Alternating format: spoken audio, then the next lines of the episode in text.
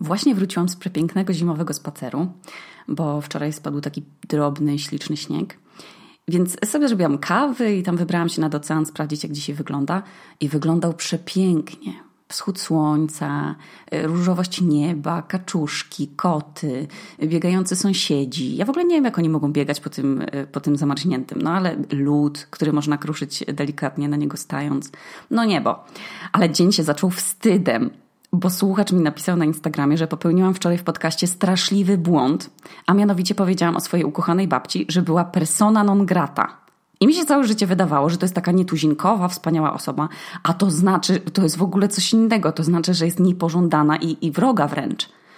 Jezu, jak mi wstyd, słuchajcie, od rana, ale widzicie, no, uczę się codziennie, przyznaję się do błędu, no, no biję się w pierś. Już wiem, co to znaczy i no, już, już więcej tak nie, z błędem nie powiem, no. Chujowo, no, ale tak wyszło, no, nie edytuję tego. Ale dziś mam dla Was QA, czyli pytania i odpowiedzi, których Wam udzielę, ale jako, że nadal nie, za, nie zadajecie mi żadnych pytań, poza najczęściej powtarzającym się pytaniem, kiedy nowy podcast, to w dzisiejszym odcinku opowie, odpowiem na pytania zadawane Krzysztofowi Gądziarzowi. Bo jemu ludzie zadają różne pytania i on ma na co odpowiadać. I dzięki temu ja też mam na co odpowiadać. No więc, więc zaczynajmy. Pierwsze pytanie od Elsie Adajewa. Czy robimy coś, co cię wkurza w nas, twoich widzach najczęściej? Czy robimy coś, co cię wprawia w dyskomfort? Ty się dla nas bardzo starasz. W jaki sposób my, twoi widzowie, możemy się postarać dla ciebie? Słuchajcie, no ciężkie pytanie, bo, bo jedyne interakcje, które z wami mam, to jak mi piszecie miłe wiadomości, w których piszecie, że super się tego słucha i że się no, nie możecie doczekać dalszych podcastów i że jestem Ewą Chodakowską polskich podcastów. Mówię serio, dostałam taki komentarz. I to jest wszystko bardzo miłe i, i nigdy nie wierzyłam, że ktoś mi powie, że jestem super. Nie wiedząc tak naprawdę, jak super nie jestem osobą, ale się staram. I nic mnie w was nie wkurza, no bo bez kitu mam chyba najlepszych słuchaczy na świecie i tylko jednego hejtera Karola, którego bardzo pozdrawiam. I bardzo mi szkoda, że nie było nam dane pracować razem na żadnym projekcie. I lubię, jak mi piszecie, że, że też nie umiecie korzystać z publicznych kranów w łazienkach, że lubicie pomidora skrojonego w cienkie plastry z zachowaniem tego e, nasiennego, słuchajcie, środka w plastrze. Albo, że też nie umiecie w znajomości. No to jest miód na me uszy. Wiedzieć, że nie jesteśmy sami na tym świecie. Że, że to ci ludzie, którzy jedzą dupki od pomidorów w kanapce, to, to oni są w mniejszości że wszyscy się stresują, jakim piłka, pika przy bramkach w, w HM-ie, mimo że nic nie ukradli. I to jest super, bo jakbyśmy założyli partię polityczną introwertyków i ludzi z zachowaniami lękowymi, to byśmy robili spotkania i głosowania przez internet i one by się zawsze kończyły o 17 i byśmy tam głosowali anonimowo, w piżamach, każdy w swoim domu. I przewodniczącym obrad partii zawsze byłby Ted i byśmy rozkładali koszta tej terapii u niego na wszystkich członków partii. Ja nie mogę się doczekać, żeby ten plan wcielić w życie.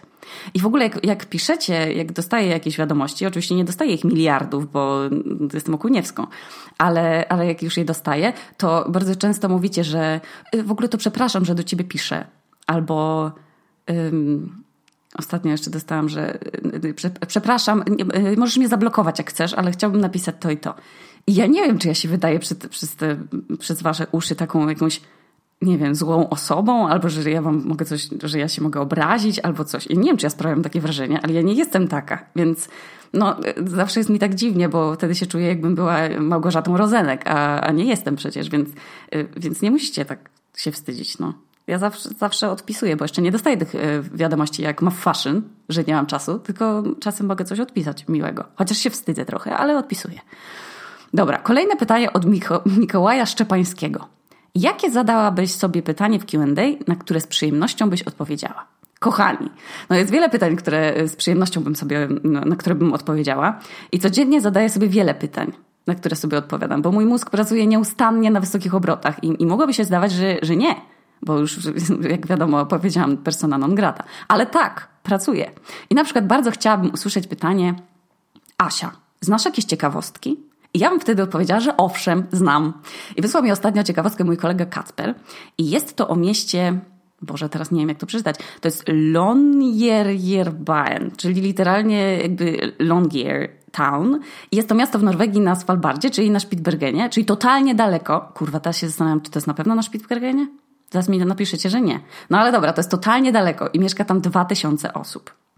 I to jest jedyne na świecie w ogóle miejsce tak wysunięte na północ, które liczy więcej niż tysiąc mieszkańców.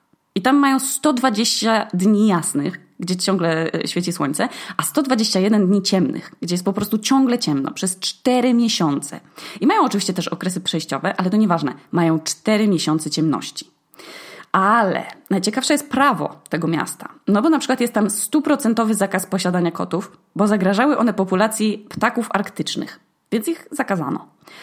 Po drugie, jest limit alkoholu, który przypada miesięcznie na jednego mieszkańca oraz, że ludzie wychodząc z domu muszą brać ze sobą strzelby w razie starcia z niedźwiedziem polarnym, bo tam dookoła mieszka jakieś 3000 niedźwiedzi polarnych i wszyscy noszą ze sobą broń. Ale kolejną zasadą jest, że nie można mieć broni wchodząc do jakiegoś budynku. Czyli trzeba na przykład wchodząc do sklepu zostawić tę broń u takiej poczekalni. Kurwa, no to miasto jest niesamowite. Istnieje zapis, że nie można umrzeć w tym mieście bo tam jest bez przerwy zamarznięta ziemia i nie można robić pogrzebów. Więc osoby mające choroby terminalne y, pod koniec już swojej choroby są transportowane do Oslo, żeby umrzeć w Oslo. I zabroniono pogrzebów w 1950 roku, kiedy odkryto, że, że ciała osób, które tam zmarły na Hiszpankę w 1918 nie rozłożyły się i do teraz naukowcy się boją, że ten wirus jest nadal aktywny i że nie można tam grzebać. Czajcie? Że ciała tych ludzi się w ogóle nie rozłożyły, tam jest tak zimno. I one nadal są pod ziemią, nierozłożone. Przecież to jest w ogóle gotowy scenariusz na super serial, albo jakiś kryminał, albo no film po prostu. To są pieniądze, które leżą na ulicy. Jakbyście chcieli zrobić ten serial, to ja wam pozwalam absolutnie. Chętnie bym to obejrzała. Albo na przykład chciałabym dostać pytanie, Asia, skąd pomysł na nazwę podcastu? Nie, żartuję. Ale, ale takie pytanie. Asia, czy zrobisz kiedyś podcast o swoich ulubionych drzewach? I moja odpowiedź byłaby wtedy tak, zrobię. A wiecie czemu? Bo to mój podcast i mam kilka ulubionych drzew, więc kiedyś zrobię taki odcinek. Ale przechodzimy do prawdziwego pytania zadanego Gonciarzowi. I to pytanie zadał Krzysztof D. I to pytanie brzmi: Jak wygląda życie leworęcznej osoby w Japonii? Bo słyszałem, że są tam jakieś problemy z używaniem pałeczek lewą ręką, że nie wypada czy coś. No słuchajcie, ja nie byłam nigdy w Japonii, więc nie mam pojęcia. Ale na Islandii wszystkich pierdoli, czy wiecie sushi, a w sushi islandzkim musi być majonez. Słuchajcie, oni tu nie słyszeli w ogóle o cream cheese. Oni wszędzie ładują majonez. Jest chili mayo, jest um, dill mayo, garlic mayo. Oni majonez w ogóle pchają do wszystkiego. Półka w sklepie, na której stoją sosy i majonezy, się nie kończy. Macie trzy opcje kupna ryżu. Jeden tani, jeden drogi, jeden brązowy. E, no, w ogóle to jest mały wybór produktów i to jest w ogóle błogosławieństwo, bo jak w Polsce szłam do sklepu i były makarony, to przecież można godzinami stać nad tymi makaronami i się zastanawiać, który kupić. A tutaj są świderki, rurki i, i, i, tam spaghetti i są po prostu tanie, średnie i drogie i nie ma w ogóle jakiegoś tam dziwnego wyboru. No ale kupno sosów to jest dramat. Oni kochają sosy. Jak im dacie w knajpie dużo sosu, to oni sobie zażyczą i tak więcej. To proszą jeszcze później o ekstra sos. Kuchają, o Jezu, oni kochają sos berneński. Jego akurat nie dają do sushi, ale do wszystkiego innego już tak. Do sushi wkładają natomiast chorizo i mięso owcy. I daktyle też. I daktyle też kładą na pizzy. No, smacznego. Następne pytanie. Gdybyś miała zrezygnować z jednej rzeczy, którą teraz robisz, na przykład bieganie, vlogowanie i tym podobne, to z czym najczęściej, yy, najciężej byłoby ci się rozstać? Tak mówiąc absolutnie szczerze, to chyba z jedzenia. Nie wyobrażam sobie życia bez jedzenia. Na Wigilii w tym roku, w tamtym roku, to już absolutnie w ogóle przeszłam samą siebie i jadłam absolutnie wszystko. I to barsz, i pierogi, i selerybę, i normalną rybę, i takie były rolatki z ogórka, słuchajcie, że w środku ze śledziem, a na zewnątrz taki chrupiący ogórek. O Jezu, pyszne, no. Buraczki były, takie, takie fińskie coś z ziemniaków, z jakiejś takiej rośliny. Ser z kalafiora, słuchajcie, to, to w ogóle nie miało końca. Poza jedzeniem nie miałabym też, nie mogłabym sobie zrezygnować na przykład ze spania. Bo jak się nie wyśpię w tygodniu raz, to już jestem niewyspana przez tydzień, chodzę i wszystkich denerwuję. I jeszcze nie mogłabym e, zrezygnować z pielęgnacji skóry twarzy, bo mam obsesję przecież, wklepywania, rolowania, tam oczyszczania, kwasowania. No, przysięgam, że jak za 20 lat będę miała zmarszczki, te wszystkich pozwę. Ale tu się pojawia bardzo ciekawe pytanie od Michała R., czy myślałaś kiedyś o zakupie deski elektrycznej, by szybciej przemieszczać się po ulicach Reykjaviku? Słuchajcie, mój jedyny kontakt z deskorolką jest taki, że mamy jedną w pralni. I ona chyba sięga w ogóle czasów, kiedy właściciel naszego mieszkania na niej jeździł, a on ma chyba z 40 lat, więc albo więcej. Więc ta deska tam stoi już całkiem długo. I mój drugi kontakt z deskorolką jest taki, że kupiłam sobie buty na deskorolkę, bo są ładne i, i też te buty w ogóle nie mają kontaktu i nigdy nie miały z żadną deską. I mam jeszcze czapkę takiej firmy dyskorolkowej, co się nazywa Joutch, czyli Jów. I jest to firma chłopaka mojej koleżanki, więc kupiłam taką, bo była ładna i chciałam wesprzeć ten lokalny biznes. I jeżdżenie na desce elektrycznej brzmi dla mnie tak samo strasznie, jak krzesło elektryczne, a z krzesłami mam jakby częstszy kontakt niż z deskami, więc no nie wiem co gorsze. Trochę zabrnęłam tutaj w tym porównaniu. Zmieńmy pytanie. E, pytanie od Pawła E. Dlaczego Cesarstwo Bizantyjskie jest tak zapomniane w naszej historii, skoro było bezpośrednią kontynuacją Imperium Rzymskiego oraz swego czasu najstarszym i najpotężniejszym państwem świata? Pawle, myślę, że, że to dokładnie z takiego samego powodu, dla którego się uczymy krzywej przeżywalności śledzia, a, a nie jakie ubezpieczenie na życie powinno się mieć.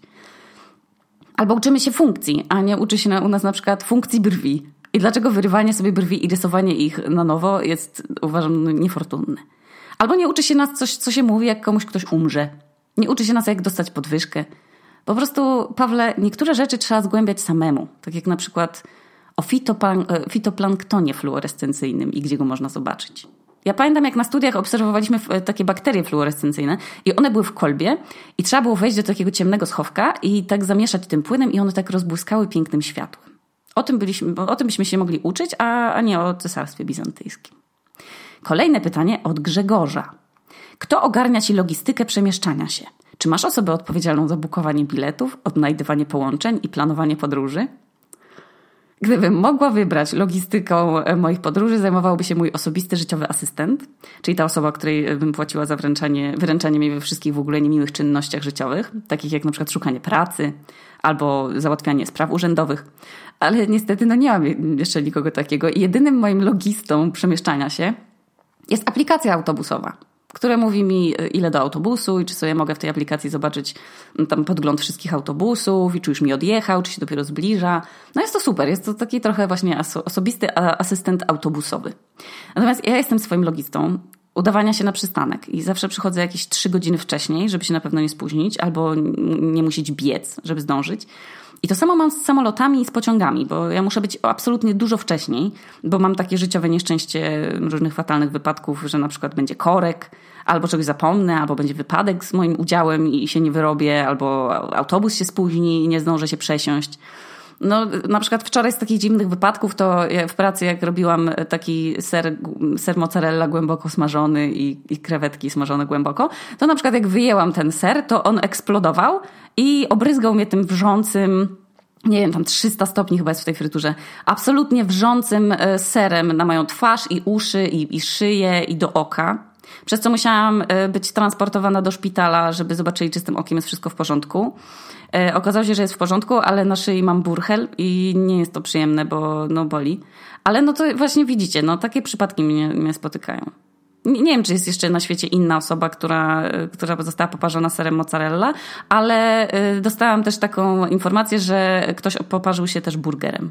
Więc no, jakby nie jestem chyba sama w tym też. A, no i jeszcze logistą od mojego przemieszczania się samolotowego jest Amadeusz, bo ja jestem absolutnie najgorsza w latanie. Ja, ja nigdy nie pamiętam, gdzie trzeba iść, gdzie pokazać paszport, co się robi z walizką, znowu gdzie iść, jak zmienić terminal, kiedy się pokazuje paszport, a kiedy, a kiedy kartę pokładową. Ja, ja zawsze się w tym gubię. Ja po prostu, no nie no, ekspozycja na lotnisko mnie stresuje i od razu mam panikę, że, że na przykład ktoś mi podrzucił do walizki narkotyki, no bo przecież ja mam takie właśnie dziwne, dziwne wydarzenia w życiu. Albo, że mój bagaż nie doleci. Albo, że na przykład policjant psem, z psem mi wywęszą jakieś ślady kokainy na kurtce, a ja na przykład się oprał ławkę po prostu, na której ktoś rozsypał kokainę. Wy się możecie śmiać, ale to na pewno się zdarzy. Ja już, ja już w ogóle żyję w swojej skórze przecież 25 lat i już mi się tyle rzeczy dziwnych przytrafiło, że to na 100 podcastów można rozdzielić.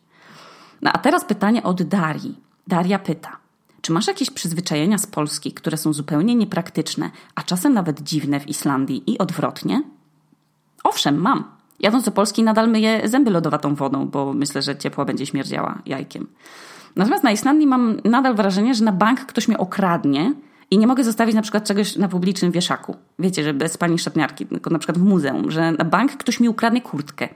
I w ogóle z kradzieżą mam tu problem, że w Polsce trzeba uważać jednak no bardziej na rzeczy, a tutaj na basenie zostawia się buty przed wejściem do szatni i one sobie po prostu wszystkie stoją na podłodze i ja zawsze mimo wszystko biorę buty w rękę i z nimi idę do szatni, bo się boję, że ktoś mi je ukradnie. To tak samo jest na przykład y, no, przed wejściem do kliniki. Jest taki przedsionek, zdejmuje się buty, a w samej klinice, tam u lekarza, się chodzi w skarpetach. I widać, kto jakie skarpety nosi i kto ma dziurę na palcu. No totalnie to powinno być wszędzie. To jest super widzieć takich ludzi w kolorowych skarpetkach. Widzicie jakiegoś tego pana, takiego, taki starszy pan i nagle on zdejmuje buty i nagle tam wychodzi, że ma e, skarpety po prostu w chomiki. Bardzo ekstra. I e, z Islandii mam też taki nawyk picia wody z kranu. I nalewam sobie w Polsce i ta woda jest no nie ukrywajmy, no jest trochę obrzydliwa, bo pachnie rurami i, i, chlorem. I dopóki nie zaczęłam tutaj mieszkać i pić tej wody, to piłam w, w Polsce normalnie wodę z kranu. I, I, była smaczna dla mnie. No, mamy bardzo dobrą wodę tam, ale no nie czułam tego. A teraz czuję. No już nie mogę. I w wakacje się tak odwodniłam, że jak przyjechałam tutaj, to piłam chyba no, litrami cały czas. Teraz pytanie od Elżbiety. Gdybyś startowała od zera, to jaką firmę otworzyłabyś w Polsce? Startując od zera siedem razy w moim dotychczasowym życiu, y, mam w tym doświadczenie i otworzyłabym firmę z prywatnymi asystentami życiowymi. Y, I napisałabym jeszcze algorytm, w którym Facebook nie pokazywałby zupełnie postów ze słowem kluczowym. Na przykład jak ci ktoś irytuje, coś, coś cię irytuje, to sobie wpisujesz, że nie chcesz po prostu postów o tym i po prostu ci to omija. Jest, to by było super, taka nakładka. Nie wiem, może to istnieje już, jak wszystkie w ogóle startupy, które wymyśliłam. Karol K. spytał – Słuchajcie, to już jest ostatnie pytanie, więc dzisiaj będzie chyba krótki podcast. Karol K. spytał. Czy nie zastanawiasz się czasem, czy gdybyś wcześniej założyła rodzinę i prowadziła bardziej uporządkowane życie, byłabyś szczęśliwszym człowiekiem, aniżeli teraz, nagrywając podcasty w piwniczce w Reykjaviku? Czy byłabym szczęśliwsza, gdybym skończyła studia i została w Łodzi? No nie, bo wtedy nie poszłabym pracować do reklamy, i, i nie zamieszkałabym w Warszawie i później bym nie poznała na Tinderze Amadeusza. Nie pojechałabym w Bieszczady i, i wkurwiła się na reklamę i nie wpadłoby mi pewnie do głowy w ogóle, w ogóle wizja emigracji na Islandię. Czyli nie byłabym w piwniczce. I nie założyłabym podcastu w ogóle. No nie zrobiłabym wielu rzeczy, nie widziałabym zorzy polarnej. No nie, nie, po prostu nie zrobiłabym rzeczy, które były super. Nawet gdybym miała dziecko w Polsce, no to nie zdecydowałabym się w ogóle z niej wyjechać. No nie wiem, jakby się potoczyły moje losy, gdybym zrobiła wszystko inaczej. I Bogu dzięki, bo, bo mnie to bardzo cieszy. Już się pogodziłam z tym, że moje życie nigdy nie będzie uporządkowane i takie, jak mają inni. No, trochę im zazdroszczę, ale no to wynika z wielu czynników jednym z nich jest to, że ja po prostu chyba nie jestem uporządkowana, także no nie byłam szczęśliwsza i bardzo się cieszę z tego, co mam. Tak rzeczywiście, no ćwiczę tę wdzięczność i z dnia na dzień yy, idzie mi coraz lepiej. Muszę wyćwiczyć w tym roku właśnie wdzięczność i cierpliwość. Czyli to są moje takie cele na, na nowy rok. No. Och, ciężka droga przede mną. No i to było ostatnie pytanie. No. Co za emocjonujące QA z kradzionymi pytaniami. Nie wiem, od kogo powinnam ukraść kolejne pytania do QA. Jeszcze nie wiem, ale już się nie mogę doczekać. To Okuniewska, nadal w piwniczce w Reykjaviku, a to było styczniowe QA.